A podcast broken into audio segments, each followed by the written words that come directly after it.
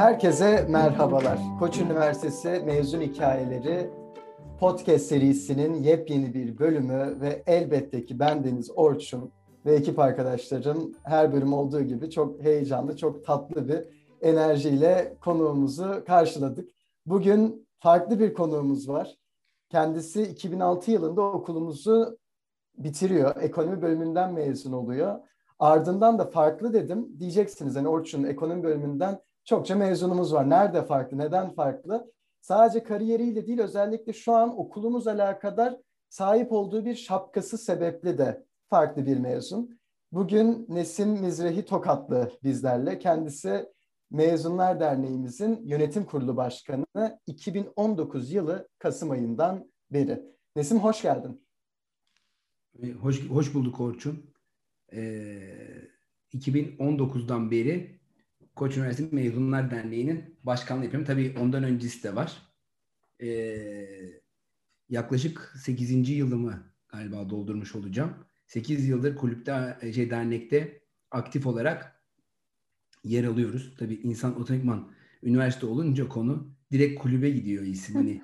kulübe gidiyor ama tabii bizim derneğimiz e, çok başka. Dernek aslında bir camia olma yolunda ilerliyor. Ve çünkü büyüyoruz her geçen gün. 15 bin mezunuz ve her geçen yıl artıyoruz. Bundan dolayı öncelikle çok böyle gurur duyuyorum. Tüylerim diken diken oluyor hatta bunları söyleyince. E, bu kocaman camiayı her geçen gün büyütmek ve geliştirmek için bir şeyler yapmakta ve özellikle mezunu olduğun ve seni bugünlere getiren bir okula ahde vefa örneğiyle gitmekle bence çok güzel şeyler yapmaya devam edeceğiz ve bundan da her daim hem başkanlıktan sonra da olmak üzere hem başkanlık öncesi hem başkanlık sonrası olmakla da gurur duyuyorum açıkçası. Ee, işte saymanlık yaptım ondan önce e, her şeyi yaptık yani dernekte. E, şimdi de başkanlığını yürütüyoruz. Güzel e, şimdi mezuniyetimiz var olacak.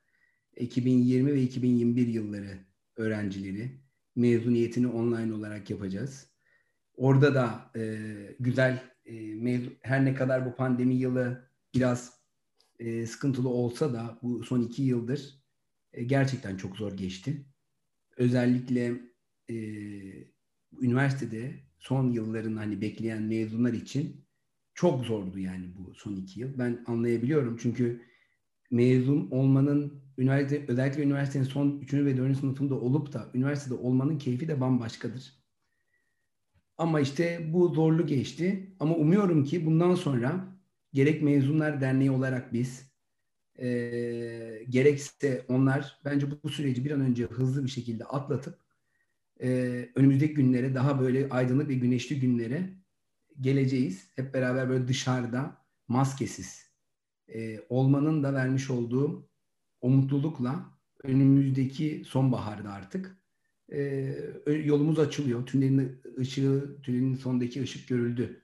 Valla fikri bile heyecanlandırıyor yani o maskesiz tüm koçtular, eşler, dostlar, ahbaplar toplanmış. O emeklerinin takdirini hep birlikte sevecencene yaşıyorlar. Beni de şey yaptı. Valla bugün çok şey konuşacağız. O açıdan her birine nasıl değineceğiz merak ediyorum. Şimdi malumun bu mezun hikayeleri podcast serisinde bizim ana bir gayemiz var. Özellikle mezuniyet yaklaşırken ki bölümlerimizde bu gayeyi ayrı bir sahiplendik. Bir nesiller arası randevu olarak görüyoruz biz bu seriyi. Ne anlamda? Okulumuz kıymetli bir kültür. İçinde nice farklı insanı barındırmış, eğitmiş ve bunu yapmaya devam eden bir üniversite söz konusu. İlk başta bu podcast yaparken sorularımızdan biri şu tabii ki de bu mezun kişimiz kimdir? Kimdir derken üniversite öncesi kimdir? Koç Üniversitesi vakti kimdir? Nasıl evrilmiştir? Ardından üniversite sonrası yolculuğu nerelere gitmiştir? Genel olarak bu seri altında kaydettiğimiz her bölümde biz mezunlarımıza bunu sorduk.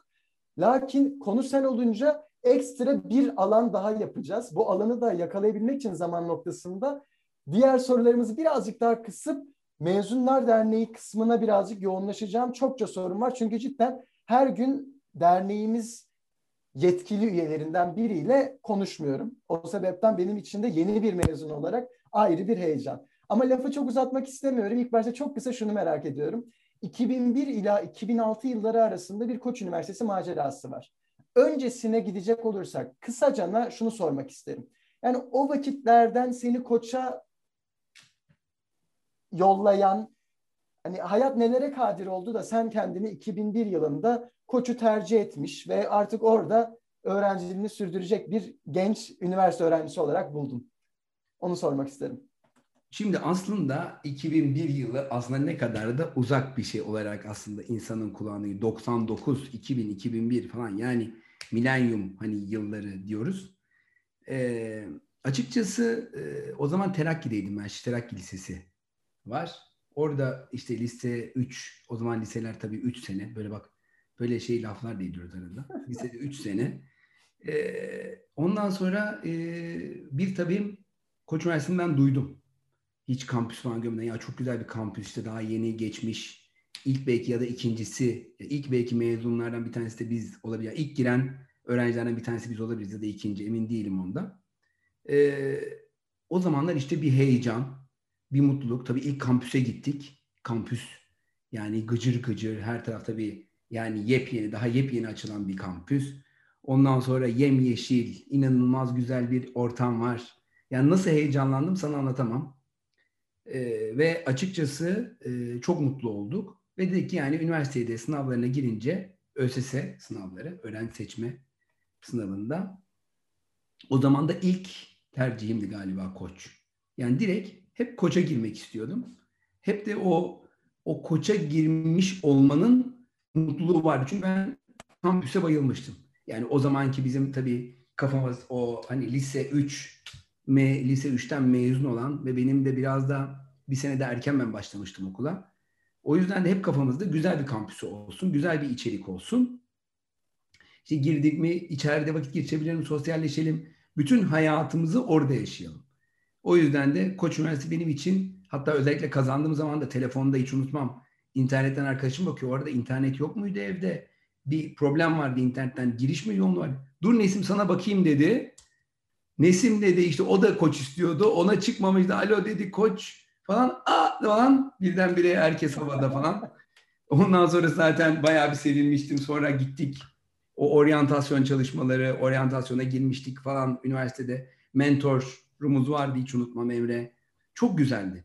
Yani o giriş şeyini yılını hiç unutmam. Ama tabii ilk giriş yılı her zaman ilk böyle bir saçmalama yılı olmuştur benim için. Çünkü o adaptasyon, o ne olacak, ne bitecek, işte kulüpler vesaire bir şeyler yapmak e, çok keyifliydi yani. Koç Üniversitesi benim için her zaman yani şu anki aidiyet duygusu bendeki yeri her daim başkadır ve bence de başka olacaktır. Yani bunun hiç e, bir zaman e, benim için bir şeyi o. Yani anlamı çok fazla benim için Koç Üniversitesi'nin. Ondan dolayı hani e, Koç Üniversitesi'nin ilk 2001'de bir de bizim zamanımızda bir de maddi, maddi kriz vardı yani. Ekonomi birdenbire, dolar birdenbire iki katına falan çıkmıştı. Hani bu o yüzden de o koça girmenin de e, maddi olarak da şeylikleri de vardı yani. Zorlukları da vardı ama iyi ki de girmişiz diyoruz. Ondan sonra 2006'ya kadar ekonomi kulübü çalışmalar yaptık. Ekonomi kulübüyle yaptık. Münazara kulübüne gittik. Çok e, keyiflidir koç anıları. Çok mutluluktur. Odeon'daki partiler çok keyiflidir. E, Sanremo Festivali bilmiyorum hala var mı? O mesela çok keyiflidir o şeyin arkasında. O zamanlar şimdi galiba oralar kapatıldı hep ama çok güzeldi ya Koç Üniversitesi yılları. Şimdi hatırladıkça insan tekrardan böyle bir e, şevkle doluyor. Sonra da 2006 mezuniyet. Ben tabii bir de hazırlık da okumuştum. İngilizce hazırlık. E, ondan sonra da o da başkadır bu arada. Hazırlık okumanın da keyfi bambaşkadır. Herkes o yılı böyle hazırlık okudum falan filan der de hazırlık yılı gerçekten o ELC e tabii bir de e, şeyde de çok az kişiydik biz kampüste. Herkes herkesi tanıyordu ilk yıllar. Yani bütün kampüs sağa çeviriyordum. Bütün herkesi tanıyorsun gibi yani. E, çok iç içe ve çok güzel bir çok güzel yıllarımız oldu açıkçası. Ondan sonra da mezuniyet 2006. Mezuniyetten sonra gireyim mi? Yok girmeyelim. Hatta şöyle küçücük bir şey sıkıştırayım araya ondan sonrasında girelim. Şimdi Hı. orada tabii ki yani 5 sene içerisine anılar herkes için say say bitmez. Ama hani şeyi merak ediyorum yani bu mezuniyete kadar gelindiği vakit şimdi 2001'de giriliyor 2006'da çıkarken sırt çantasında çok fazla hani acısıyla tatlısıyla insanı insan yapan, büyüten, eviren deneyimler ekleniyor. O mezuniyet noktasında hani bunu çok daha taze yaşamış bir mezun olarak da söylüyorum. İnsanın aklı gerçekten çok da karışıyor. Yani farklı farklı opsiyonlar var, farklı zorluklar var, imkanlar var derken yani direksiyonu her tarafa kırabilirsiniz. Sen tarafında yani akademik bir devam edilmiş bir noktada ama ya çok değişik bir cümbüş. Şimdi önüme bakıyorum yani kariyer odaklı çok değişik cümbüşler var. İşte akademik odaklı çok değişik atılımlar var. Onları konuşacağız. Bunlara girmeden şeyi soracağım. Yıl 2006 olduğu vakit hani kafanın bir noktasında şey var mıydı? Sonuç olarak Mezunlar Derneği 95 yılında kuruluyor. Yani bir noktada şu an olduğu kadar belki aktif, eli kolu uzun bir dernek o vakitler değil.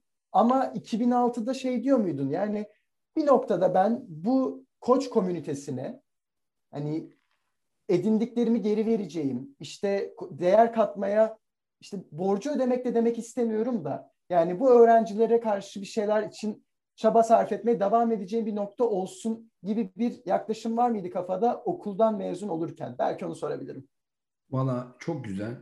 Şimdi açıkçası yıl 2006 olunca e, o zamanki nesim e, işte kaç o zamanki nesim çok öyle ilk başta hayata bir şekilde atılmak, bir şekilde önündeki ajandasındaki biriken işte yapması gerekenleri hani o kafayla ve kendine koymuş olduğu belli hedeflere ulaşırken onlara ilk etapta yoğunlaşıyordu olarak. Hani nedir? İşte iş bulabilecek miyim? Ya da bilim işte aile şirketi vardı. O aile şirketinde belli başlı temel problemler vardı. O problemleri çözebilecek miyim? Bu problemleri çözdükten sonra önüme neler gelecek? E, bu arada tüm bunları sıralara koymak gerekiyordu. Çok da açıkçası o an için Koç Üniversitesi Mezunlar Derneği'ne gidip üye olmuştuk. Yüzüğümüzü almıştık.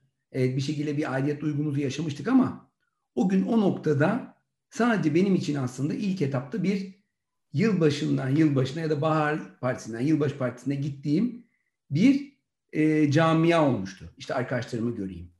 İşte benimle aynı kafada, aynı mantalitede, aynı şekilde büyümüş, ortak kültürü birbirimize katmış olduğumuz, işte çeşitli fikirlerimizin birbirine uyuştuğu insanlar topluluğudur aslında Koç Üniversitesi mezunları. Çok etrafta değişik, e, farklı e, değerleri olan toplumdan insanlar oluyor. Ama ortak değeri yakaladığım, en rahat konuştuğum, e, işte tabiri caizse leb demeden leblebiyi anlayacak kitle aslında benim kendi arkadaşlarım, üniversite arkadaşlarım oluyor. Çünkü aynı yerde yetiştik. Aynı fikirlere genelde temas ettik ve aynı çıkarımları yaptık yani genel olarak. Bunlar çok değişmese de. Çünkü asıl bizim düşüncemizin ana noktada birleştiği yer ve ana noktada oluştuğu yer üniversite oluyor. Üniversite aslında size neyi öğretiyor? Düşünmeyi öğretiyor. Üniversite size bir meslek kazandıracağına ben inanmıyorum açıkçası.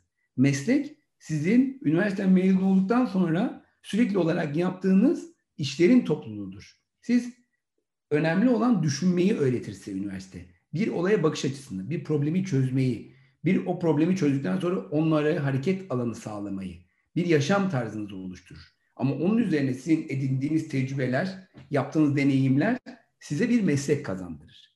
Bu çeşitli olabilir. Birisi gider bankacı olur, birisi gider denetimci olur, birisi gider girişimci olur. Ama üniversitede bunu nasıl hayatınızda bunu elinize alacağınızı ve nasıl götüreceğinizi ön sezini verir. O yüzden benim için Mezunlar Derneği ilk etapta ta ki 8 yıl önceye kadar yani ne yapar? 2013 yılına kadar yani 2006-2013 yılında hep izledim. Hep partilerine gittim. Hep içinde bulundum. Yılda ilk kere ama hiçbir daim Üniversitede Mezunlar Derneği'nde e, rol almayı o aralar hiç düşünmedim. Ta ki e, seçildiniz diye bir olay vardı. Üniversite bir de maillerden bir mesaj atmıştı. İşte o zaman bilmiyorum bana böyle bir mail gelmişti. E, işte gelin Mezunlar Derneği'ne destek olun. Ya da gelin işte elinizi taşın altına koyun. Ya da örnek veriyorum gelin bir katkı sağlayın. Gelin bir değer yaratın. Her neyse buna ne diyorsunuz? Herkes nasıl alıyorsun? İşte gittik o zamanlar. İşte çağırdılar, işte konuştuk işte çok güzel. Taksim'deki bizim o zaman lokalimizde daha yeni yapılıyordu. Ta inşaatlar sürüyordu. Biz de aşağıda bir yerde buluşmuştuk. İşte sordular ne katabilirsiniz, ne der katabilirsiniz diye. İşte dedim yani yani benim işim gücüm, benim hayatım e, finansman, para, ekonomi, muhasebe. Ben bunları anlayan ve bunları iyi yapan birisiyim. Hep hayatımda hep bunları deneyimleyerek yaptım. Size dernek olarak bu konuda katkı sağlayabilirim. Eğer sizin için de uygunsa neden olmasın? Onlar da gayet e, ilk başta böyle hafif bir gülerek e, ve daha sonradan da neden olmasın diyerek böylece benim dernek maceram böyle başladı. Kim bilebilir ki derneğe ben bu kadar uzun süre geleceğim ve başkanı olacağım bugün. Ben bile bunu tahmin edemezdim. Ama e, dernek o kadar çok e, buna açık ve buna o kadar çok e, bu katkıya o kadar çok açık bir dernek ki yapmaktan ve bir şeyin elini taşın altına koymaktan kimseyi hayatta durduran ya da engelleyen bir yapı değil. Tam tersi dinamik, her mezunun gelip rahatça çalışabileceği, her mezunun gelip hayalini ve arzusunu ortaya koyduğu bir yer. O yüzden de bu benim için bir avantajdı. Bana böyle bir şey verildi, yön verildi ve ben de bunu kullandım. Ama e, der misiniz ki bana hani daha önce bunu yapar mıydın? Çok da emin değilim. Yani o yedi yıl e, benim kendi içimde bazı şeyleri deneyimlemem, e, bazı önceliklerimi hayata geçirmem. Ama bu süreçte de gerek üniversiteye, gerekse Mezunlar Derneği'ne her daim yakın ve her daim dirsek temasında oldum. Hiç yoksa e, yılbaşı partilerini ve bahar partilerini kaçırmamaya dikkat ederdim yani. Çünkü bütün dünyadan arkadaşlarım gelirdi. Biliyorsunuz biz güneş güneş batmayan bir derneğiz. Yani güneşimiz batmıyor. Bizim, bizim her yerde e, mezunumuz var. O yüzden de orada ortak noktamız herkes yılbaşında mutlaka işinden o zamanlar izin alır ya da iş kapanır. O arada herkes İstanbul'a gelir ve hep beraber bir bardak bir şey içip eski günleri gerek yad eder gerekse de güncel konuları konuşuruz. Güneş Batmayan Dernek güzelmiş gerçekten bunu not ettim. Yani şimdi dernek kısmına tamamen girmeden şeyi bir sormak istiyorum. 2006 sonrası dedik. Yani çok çeşitli basamaklar söz konusu olmuş o hayat merdiveninde benim gördüğüm. İşte bir Boğaz içinde yüksek lisans durumu olmuş. Ardından Marmara Üniversitesi'nde bir doktora hikayesi söz konusu. Bunlar yaşanırken farklı farklı sektörlerden farklı farklı işler, güçler bu konularda çeşitli emekler sarf edilmiş. Hani şey sormak istiyorum. O 2006 sonrası kariyer yolculuğunda ve devam eden eğitim yolculuğunda şey mi dersin Nesim? Yani Orçun ben bir adım attım koç sonrası. Bir adım birini kovaladı ve bir baktım işte önce yüksek lisans yapmıştım. Sonra şu işe atılmışken ya dedim doktora yapayım. Bir baktım doktora başlamış. Yoksa aslında her şey birazcık daha planlı programlı büyük bir hani hayallerin, hedeflerin ürünü müydü o sırada? Şimdi işte geldik önemli soruya. Efendim şimdi benim e, hayatımda ben e, üç çocuklu bir ailenin mensubuyum. En büyük aralarındaki abi benim. E, bizim bir aile şirketimiz vardı. Daha doğrusu halen var. Asıl böyle amcalar mamcalar falan filan. E, baba da birazcık yaş olarak normal ortalama evlenme yaşının biraz üstünde. E tabii bir en büyük erkek çocuk olunca da ister istemez beklentiler biraz şekilleniyor. Hemen bir an önce üniversiteyi bitir de şu aile şirketinin başına geç. Şu aile şirketinde bir şeyler yap. İşte hemen başına geçmedi işte bir şeyini bir tarafından tut, bir tarafını yap, et vesaire.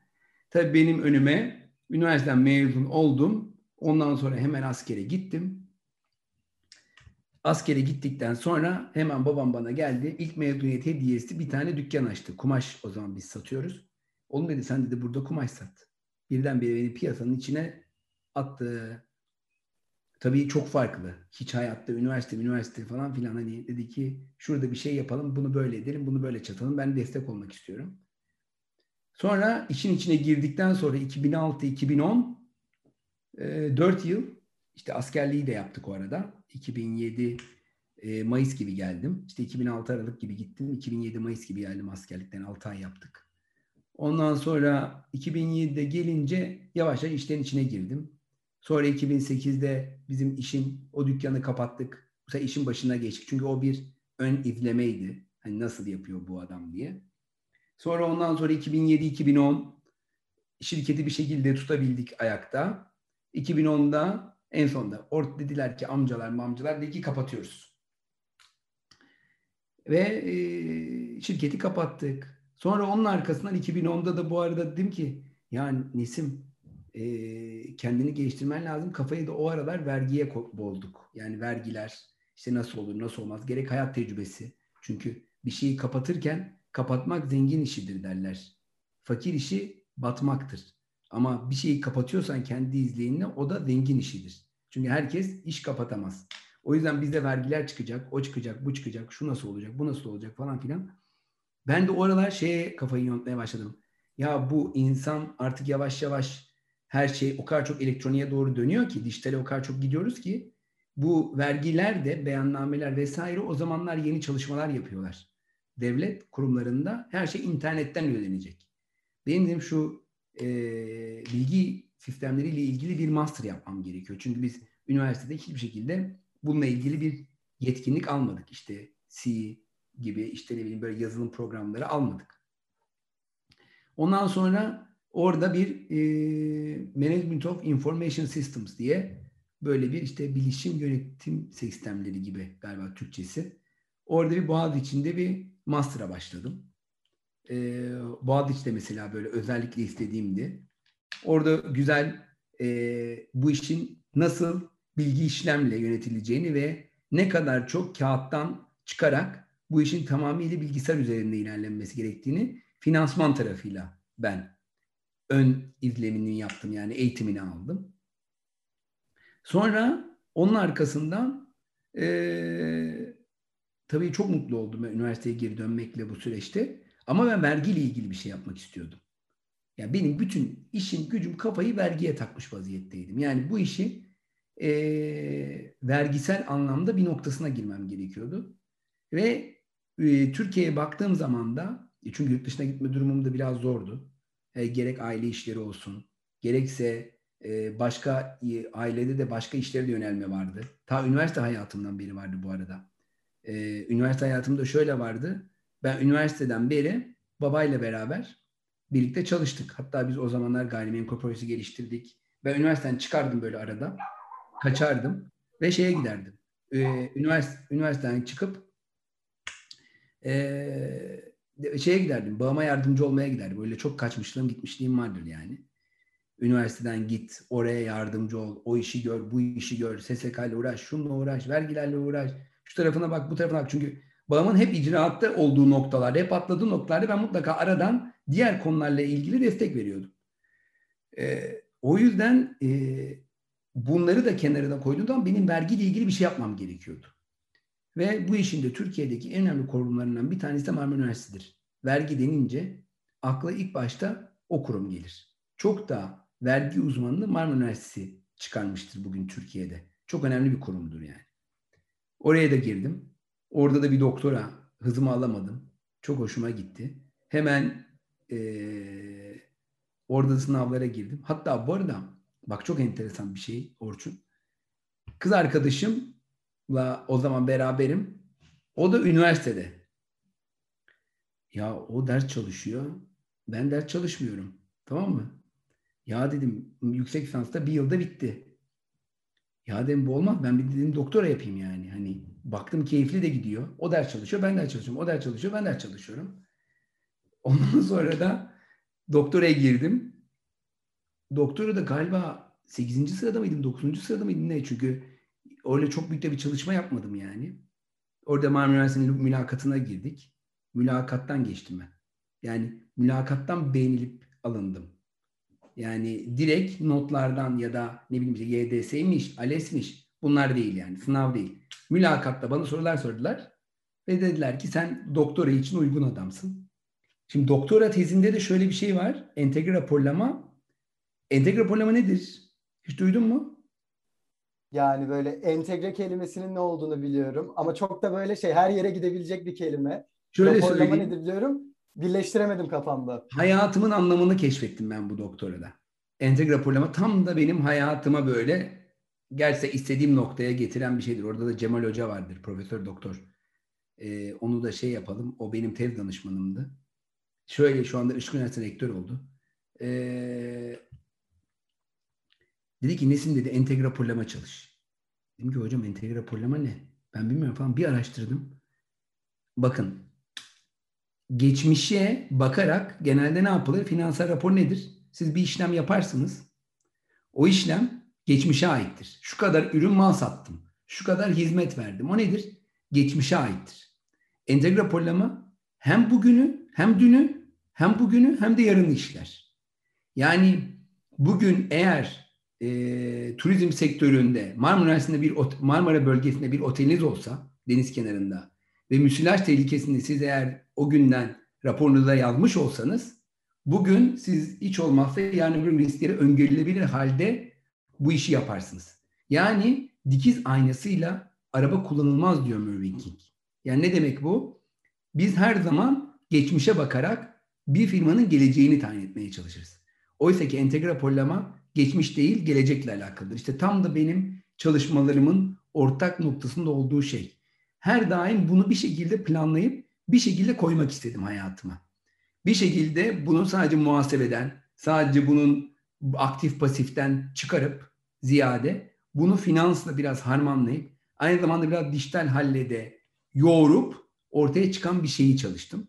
Bu da benim çalışmalarımda çok etkili olmuştur. Hani bir şeyi düşünürken bile her daim geçmişte ne olduğundan ziyade geçmişte ne olacağı ve geçmişten bu geleceğe ne kadar saparak ilerleyeceği hakkında bilgi sahibi oluyoruz. Bunda bir hayat tarzı ve hayat biçimi olarak kendime bir, bir, bir süre uygulamaya çalıştım. Çalışmaya devam ediyorum. Bu zor bir süreç. Çünkü her daim insan geleceğini düşünerek bir yere gelemez. Hep anı yaşamak denir bunda. Ama riskleri bertaraf etmek, riskleri bir kenara koymak bu en önemli hayat amaçlarının bir tanesi oldu. O yüzden doktora çalışmasını böyle girdik. Yani açıkçası kız arkadaşımın o süreçte üniversitede okurken hasbel kader e, benim de hem master'ı bitirmiş olan Nesim'le hem o arada da doktora hevesiyle beraber Marmara Üniversitesi'ne giren yolculuğumda da doktora mezun oldum. Zaten onda yeni oldum galiba. Yaklaşık bir 7-8 yıl sürdü bu süreç. Çünkü o arada o mezun oldu üniversiteden. Sonra evlendik. Ondan sonra çocuğumuz oldu. Derken galiba e, Sofia yani kızım 3 2 yaşına bastı, iki buçuk yaşında ben doktoradan mezun oldum. Yani nereden nereye işte. Yani anlatabiliyor muyum? Ama e, hayat nelere kadir. Sonra tabii bu süreçte de hani geçen sene oluyor aslında bu doktoradan mezun olmam. Geçen sene yazdı. Bu sene birinci yılını olacak işte tam. Vallahi yani, çok çok tebrik ederim ben de. Yani keyifle dinledim. Bir yandan hani bu bölüm için de şu kısma kadarki dinletinin de çok önemli olduğunu düşünüyorum. Çünkü yani Mezunlar Derneği alakadar bir şeyleri konuşurken ki derneği bir yana bırakalım. Her bölümümüzde artık insanın birazcık daha kariyeri, şu anki ürettikleri alakadar bir şeyleri konuşmaya başladığımızda bence dinleyici için kimin konuştuğuna dair birazcık fikir sahibi olmak çok önemli ve bu fikir sahibi olmadaki kimin konuştuğu kısmında da hani sadece sıfatlardan, etiketlerden işte müdür, pazarlama danışmanı gibi bir şeyden bahsetmiyorum. Yani üniversite öncesinde kimmiş, üniversitede nelere heyecan duymuş gibi şeyleri kişi dinleyince bence şimdi konuşacağımız şeyler çok daha ayrı rezone ediyor. Hem kulakta hem kalpte. Buna cani gönülden inanıyorum. Şimdi bunca şey yaşanmış. Çok çeşitli deneyimler var. Ve gerçekten de hani benim nacizane yorumum çok kısa zamanda da çok farklı farklı şeyler sığdırılmış. Ardından da eminim ki bu pastanın en ilginç kısımlarından biri Mezunlar Derneği'ndeki bunca yıldır süren emek ve son birkaç senedir de sürmeye devam eden yönetim kurulu başkanlığı rolüdür. Burada artık konuyu birazcık daha oraya taşımak istiyorum. Yani Koç Üniversitesi'nin bence gerek ülkemiz gerek dünya için, tabii ki önce ülkemiz için akademik manada öğrenci yetiştirme konusunda kendini çeşitli defalarca birçok yönden kanıtladığı aşikar. Hani ben şu an mezun olarak geriye dönüp okuluma baktığımda aslında okulumun önündeki en büyük mücadele noktasını mezunların oluşturduğu komünitenin de okulun eğitim standartları kadar yukarılarda anıldığı, bilindiği bir halde olması olarak görüyorum. Yani bir mezun mücadelesinin başlaması gerçekten de çok kıymetli her üniversite için. Hani bu noktada dernek elbette ki birinci kanal. Bu mücadelenin ön cephesinde mezunları organize eden, mezunlar ve öğrenciler için değer yaratan imkan sunan bir kurum. Hani bu noktada şeyi sorarak başlamak isterim. Nice çalışma grubu var. Saymayacağım şimdi ama gerekirse onları da zaten sen de aktarıyor olursun. Genel olarak hiç daha belki dernekten haberi olmayan bir mezun ya da öğrenci bile öğrensin istiyorum. Mezunlar Derneğimiz ne yapar? Çok geniş bir soruyla başlamak isterim. Mezunlar Derneğimiz ne yapar? Aslında Mezunlar Derneğimiz ne yapmalı? Neler yapmalı? Daha doğru bir şey olması gerekiyor bence.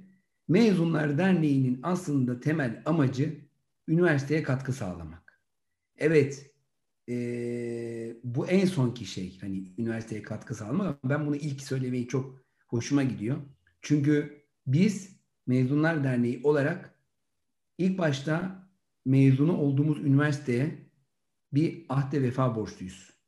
Çünkü bize düşünmeyi, çünkü bize analiz etmeyi, çünkü bize kendimize ve etrafımızda, çevremizde ve bunun en son halkası olan ülkemize katkı sağlamayı biz burada. Aslında hepimiz birer onun şeyiyiz yani, parçasıyız. O yüzden üniversite diyorum bunun ilk etabında. Ama daha bunu mikro düşünürsek yani daha gündelik ve operasyonel şeye döndürürsek biz mezunlara katkı sağlamak yani mezunların hayatına dokunmak için varız. Çünkü mezunlar bir şekilde herkes mezuniyet zamanında senin de olacağın gibi şimdi yuvadan uçup gideceksin. Hani burayı bir yuva olarak betimlersek. Ama şimdi burada bu hayat keşmekeşisinde, bu hayat kovalamacısında bir sürü şey çıkacak önüne. Sıkıntı olabilir, bu şans olabilir. İşte örnek veriyorum, e, başarılar olabilir. Bunları paylaşacağım, bunları dertleşeceğim bir nokta veya bunlarla ilgili fikir alacağım, fikir alışverişinde yapacağım. Ya da hayatına belli başlı desteklerin sunulacağı. Sadece verdiğin ya da aldığın bir şey değil bu. İki taraflı, çift taraflı olan bir şey bu.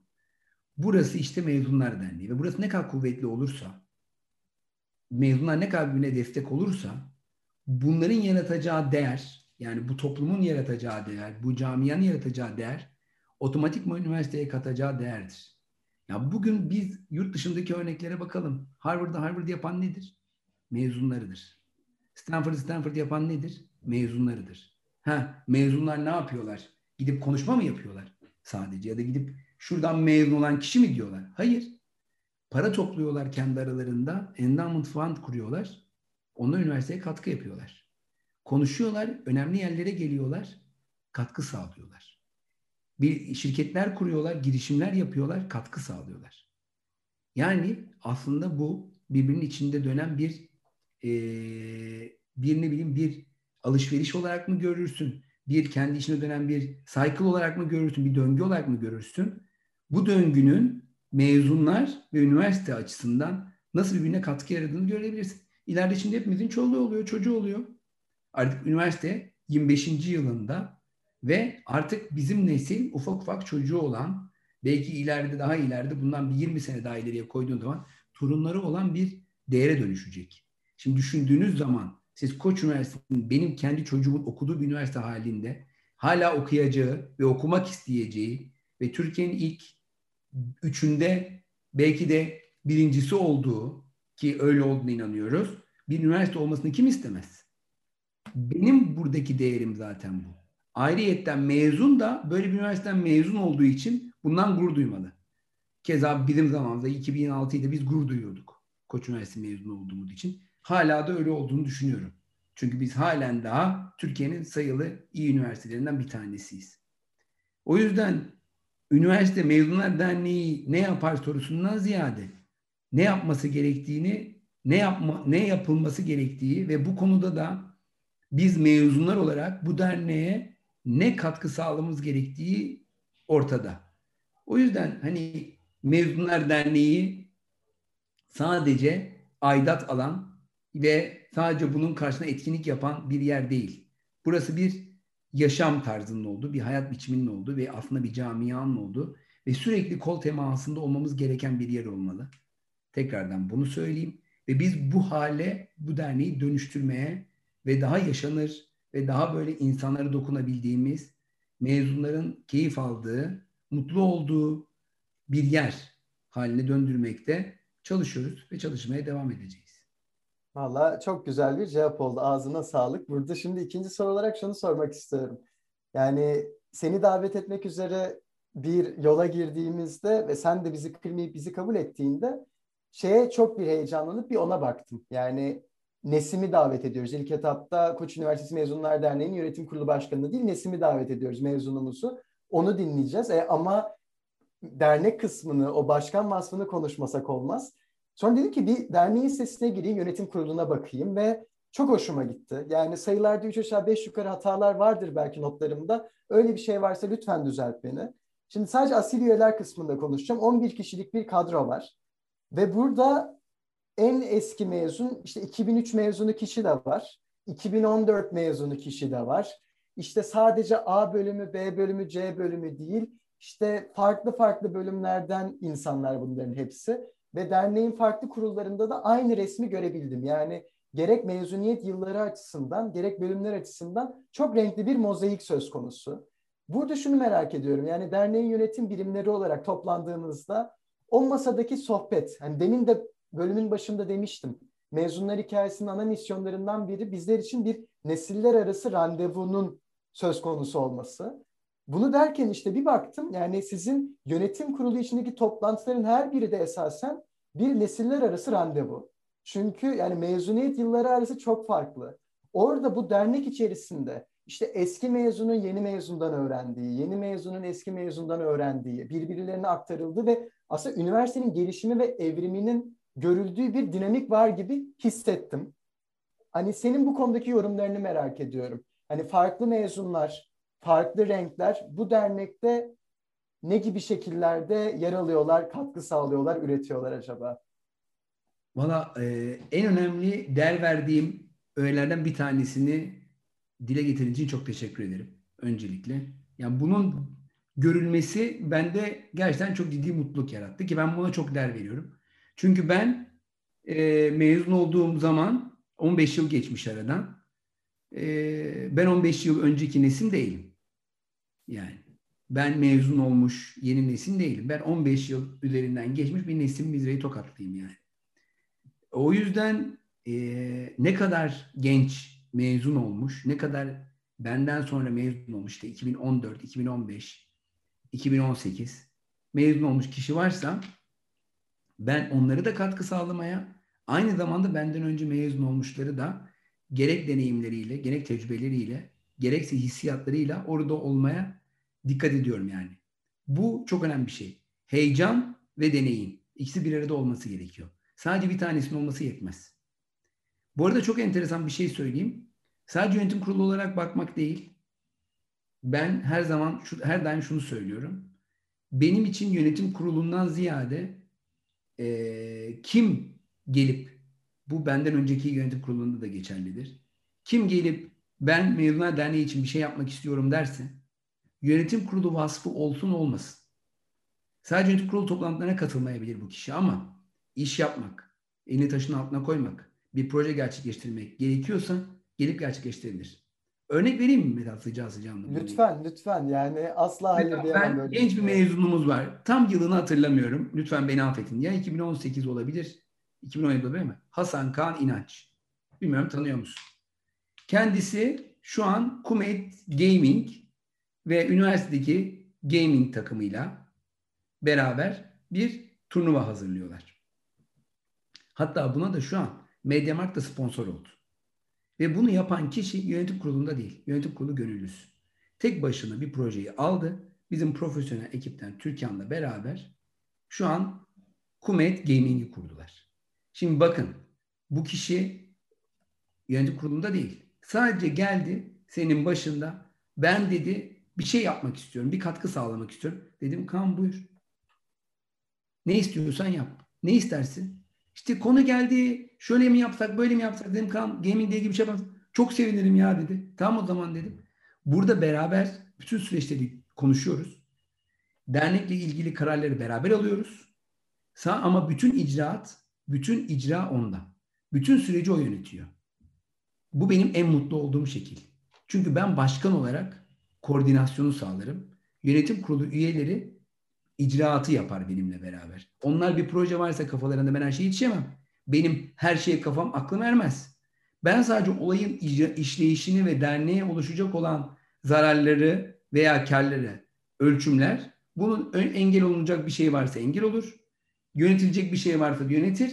Bununla ilgili o kişiyi koordine ederim. Başka da çünkü niye? Öngörmediği bir şey olabilir, üniversiteyle olan ikili diyaloglar olabilir. Bu gibi konularda ben dedim ki bak böyle gidersek şöyle olur, böyle gidersek böyle olur. Şurada dikkat edelim, burada bu şey iyi niyetimizden taviz vermeyelim, burada bunu yapalım gibi yönlendirmeler dışında hiçbir şekilde ben müdahale olmam. Ve onun da içine sindiği bir şekilde ilerlerim. Yani burada sadece dernek ve ben değil, her ikimizin de burada mutlu olduğu bir fayda da ortak fayda yaratırız. Ve burada da inan bana sonuca baktığım zaman da hem bunu yapan kişi hem bu hem de e, ben ve hem de dernek hepimiz bunda mutluyuz. Daha necelerini anlatayım? Comedy Worldwide mi anlatayım? Gene bu şekilde yürüdü. Hepsini ben bir şey yapmadım ki. Gelen kişi ya dedi yurt dışından mezunumuz daha önce yönetim kurulunda olan birisi Avustralya'ya gitti. Noyan. Dedi ki ya Nesim dedi e, yurt dışından dedi bizim dedi bir sürü dedi e, şeyimiz oluyor, fikirlerimiz oluyor, düşüncelerimiz oluyor, bir sürü yaşadıklarımız oluyor. Bunları biz aktarmak istiyoruz. Dedim nasıl yaparız abi bunu? Oturalım konuşalım. Ya şöyle mi yapsak, böyle mi yapsak derken şu an Comedy Worldwide diye YouTube'dan girip baktığınızda e, galiba yaklaşık 15. şehir falan oldu. Berlin'den tutun da Avustralya'dan, oradan tutun Kanada'ya, oradan aşağı inin Dubai'ye.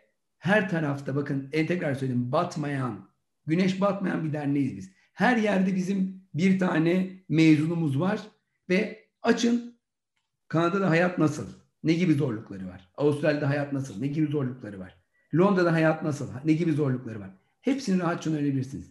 Ve oraya gittiğinizde sadece bir tane mailinizle ya da bir tane kontağınızla çok rahat ulaşıp oranın şartlarıyla ilgilenebilirsiniz. Bakın ben Covid öncesi Los Angeles'a gittim. Orada İpek var. İpek dedim ki ya e, o zaman Güneş hatta söyledi ya İpek var orada istersen görüşmek. İpek'le de görüşebilirsin.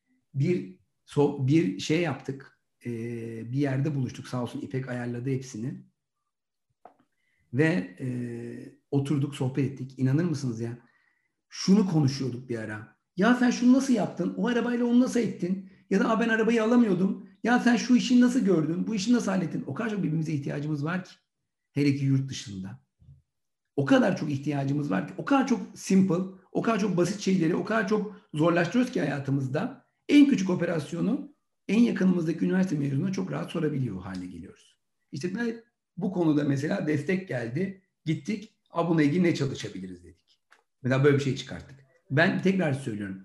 Bunların hepsini yapmak o kadar zor değil, o kadar kolay ki. Yeter ki doğru insanı, o mozaik dedin ya yönetim kurulundaki o mozaik. İşte orada o insanlara o şey o delegasyonu verip o işin yürütü, yürütmesini, takibini yaptıktan sonra o kadar hızlı ilerliyor, o kadar çok gelişiyor ki dernek. İnan bana şey gibi ilerliyor böyle multiply şey gibi böyle katlaya katlaya bir noktaya kadar gelecek ve çok daha güzel e, çok daha büyük bir hale getirebileceğiz yani bu süreci bu derneği. Müthiş. Benim ya çok soru var ama bir yandan bakıyorum saatimiz de ha. ilerliyor. Bu noktada sanıyorum iki tanesini seçeceğim. Onlar benim son sorularım olacak. Sonrasında kapanış için arzu ettiğim bir şey varsa tekrar hani son cümlelerini duymak üzere de bir vaktimiz olacak tabii. Ama şunu sormak isterim. Yani derneğin birazcık dününü, bugününü, vizyonunu, misyonunu, senin başkan olarak aslında derneğe bakışını, değerlerini dinleme fırsatımız oldu.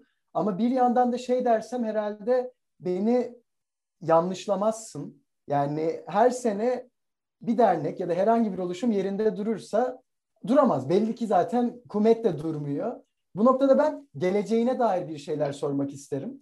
Yani çok ilginç zamanlardan geçiyoruz. Son bir buçuk iki senedir hani hayatın pandemiyle değişmesi, dünyanın bu eksende çeşitli sebeplerle de birlikte farklılıklar göstermesiyle komüniteler içinde yani değişim kaçınılmaz oldu. Bu noktada yarınlara baktığında hem bir mezun olarak hem de Mezunlar Derneği'nin şu anki yönetim kurulu başkanı olarak Kumet adına, koçlular adına, mezunlar adına nasıl yarınlar hayal ediyorsun? Aktarımların neler olur acaba onu sormak isterim. Yani e, açıkçası güzel hayallerimiz var. Hayallerimiz diyorum. Sadece benim değil hepimizin, bütün mezunların. E, bence hepimiz ortak bir faydada zaten hiçbirimizin konuşmayıp da dile getirmeyip de ama hepimizin hemfikir olduğu sadece gözlerimizin içine bakarak birbirimizi de anladığımız değerler var. E, böyle bir camiayız. O yüzden e, şunu söyleyebilirim. Benim hayalim her daim derneğimiz ne kadar büyük ve güçlü, güçlüden kasıt finansal anlamda güçlü, de, mezunlarına ulaşacak kadar güçlü ve mezunlarıyla her daim onlara katkı sağlayacak kadar güçlü. Burada da mezunların mezunların birbirine katkı sağlayacak kadar güçlü bir dernek olması benim en büyük hayalim. Ee, kendi endowment fondumuzu kurabiliyorsak ve üniversiteye tekrar bunun katkısını finansal olarak yapabiliyorsak güçlü. Bunu yapabiliyorsak ve aynı zamanda şimdi yeni bir oluşum da yaptık. Bunu da geçen sene e, bir strateji çalıştayı yapmıştık. E, mezunlara sorduk.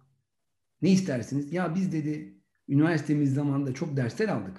Ama o dersleri bir şekilde e, anlayamadık ya da yeniden bir daha bir dinlemek istiyoruz işte. O zamanki ben pek o zaman o kafada değildik ama şimdi daha başka görmek istiyoruz. O zaman da Kumed Akademi'yi kurduk.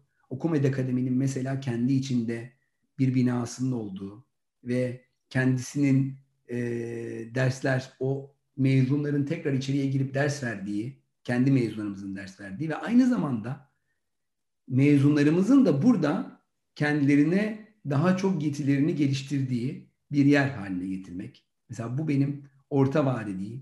Uzun vadeyi söyledim. Kendi değerini, kendi üniversitesinde bu değeri sürekli katıp finansal ve e, maddi ve manevi açıdan o katkıyı geri döndürmesi. Kısa vadede de bir araya gelip bir araya gelip bir arada mutlu olduğumuz ve birbirimize katkı sağladığımız bir hal yer haline gelmesi bu en önemli önceliklerimizin başında geliyor. Valla her biri birbirinden kıymetli. Umuyorum her biri de canlanır, yeşerir. Her birimizin de tabii ki emekleri, katkıları da bunun için lazım. Son sorum o da şu. Yani ben dediğim gibi bu senenin mezunuyum. Yaklaşık dört buçuk, beş ay oldu. Bu mezun hikayeleri serisindeki kıymetli arkadaşım Büşra da bu senenin mezunu. Ve biliyoruz ki yani bizim arkadaşlarımız, dönemimizden birçok insan da serimize kulak veriyor. Ve bu bölümü de mezuniyet arifesinde aslında mezuniyete yakın bir dönemde çekiyoruz. Yani ben bunu sormazsam bana diyecekler Orçun Mezunlar Derneği Yönetim Kurulu Başkanı'nı buldun. 2020-2021 yılı mezunlarının hani derneğe dair bir çağrısına bir soru sormadın. Yani o yüzden sormam lazım. Burada hani sana tamamen mikrofonu vererekten hani benim dönemim, bir önceki dönem yeni taze Koç Üniversitesi mezunlarına bir çağrıda bulunacak olsaydın eğer hem bir mezun abileri olarak hem de tabii ki de Mezunlar Derneğimizin başkanı olarak bu çağrı ne olurdu diyerekten son sorumu yöneltmek isterim. Şimdi öncelikle bu soruya cevap vermeden önce 2020-2021 yılı mezunlarına Koç Üniversitesi Mezunlar Derneği olarak ilk defa bir iş yaptık. Ve bunu çok da keyifli yaptık. Normalde ben Koç Üniversitesi Mezunlar Derneği'nin bir sadakat kulübü olduğunu düşünmem. Hatta böyle bir şeyde paya vermem. Ve önemsememdi. Ama bu yıl ilk defa mezunlarımız uzun zamandır online olarak her şeyi yapıyor. Hatta mezuniyeti bile online yapıyor. Ama ben dedim ki bir hediyemiz olmalı. Bir şeyimiz olmalı onlara. Bir e, hediye mi dersin işte bir e, bir bir şey dersin yani bir hediye diyelim. Bir hediye jest geliyor galiba. Bir jest aynı. Aynen bir jest olsun. Ve gittik Gastro Club'la anlaşma yaptık. Ve Gastro Club'a dedik ki biz dedik 2020-2021 mezunlarına mezun o, üye oldukları aidatları üye oluyorlar. Üye oldukları takdirde Gastro Club 2021 yılında Gastro Club'dan e, kullanım hakkı ediyoruz. Gastro Club kartını kullanım hakkı ediyoruz. Normalde ben böyle bir şeyi bir şekilde sıcak bakan birisi değilim. Ama bunu 2020-2021 yılı mezunları bunu hak ediyor. They deserve it yani anladın mı? Bence hani bunu çok içten söyleyebiliriz. Burada hani Orçun şöyle bir şey söyleyebilir, söyleyebilirim. Ee, bunu şey de yapabiliriz. Belli kısımları kat da edebiliriz hani bunun sonra ama bence hani Gastro Club üyeliğini bu şekilde buradan duyurmuş olayım ilk etapta. Şimdi gelelim onlara ne diyeyim? Onlara mezuniyetleriyle ilgili ne diyeyim? Valla açıkçası e, bir mezuniyet konuşması olacak. Bizim tarafımızdan hazırlanmış olan mezuniyet töreninde ama ufak bir ipucu vereyim. Şöyle söyleyeyim. Aynı yollardan gidiyoruz. Aynı yollardan geçeceğiz. O yüzden hiç e, tasalanmaya, hiç kafayı bulandırmaya, hiç düşünmeye gerek yok. Biz Mezunlar Derneği olarak her daim sizin yanınızdayız. Her daim de beraber olmaya, beraber paylaşımlara açığız. Her zaman da gelip e, bizimle beraber gelip çalışmak, bizden fikir almak, bizden bilimsel fikirlerimizi iletmek. Her daim biz bununla varız. Bu hep iki taraflı olduğuna inanıyorum. Bizim sizden öğrenecek çok şeyimiz var. Ben buna çok inanıyorum. Çünkü özellikle bu çağ artık sizin çağınız yani. O yüzden de e, size ihtiyacımız var. Eğer bizim size ihtiyacımız olduğunu düşünüyorsanız da her daim kapımız açık diyorum. Valla ağzına sağlık. Nesim çok teşekkür ederiz. Şahsen çok memnun oldum. İyi ki katıldın, iyi ki bizimle hem hikayeni paylaştın, hem bizi derneğimiz alakadar bilgilendirdin. Bu noktada gerek vaktin, gerek samimiyetin, gerekse gerçekten insan enerji katan tatlı bir enerjin olduğunu ben gözlemledim narizane bir, bir saat içinde. Her biri için çok teşekkür ederim. Ben çok teşekkür ediyorum valla.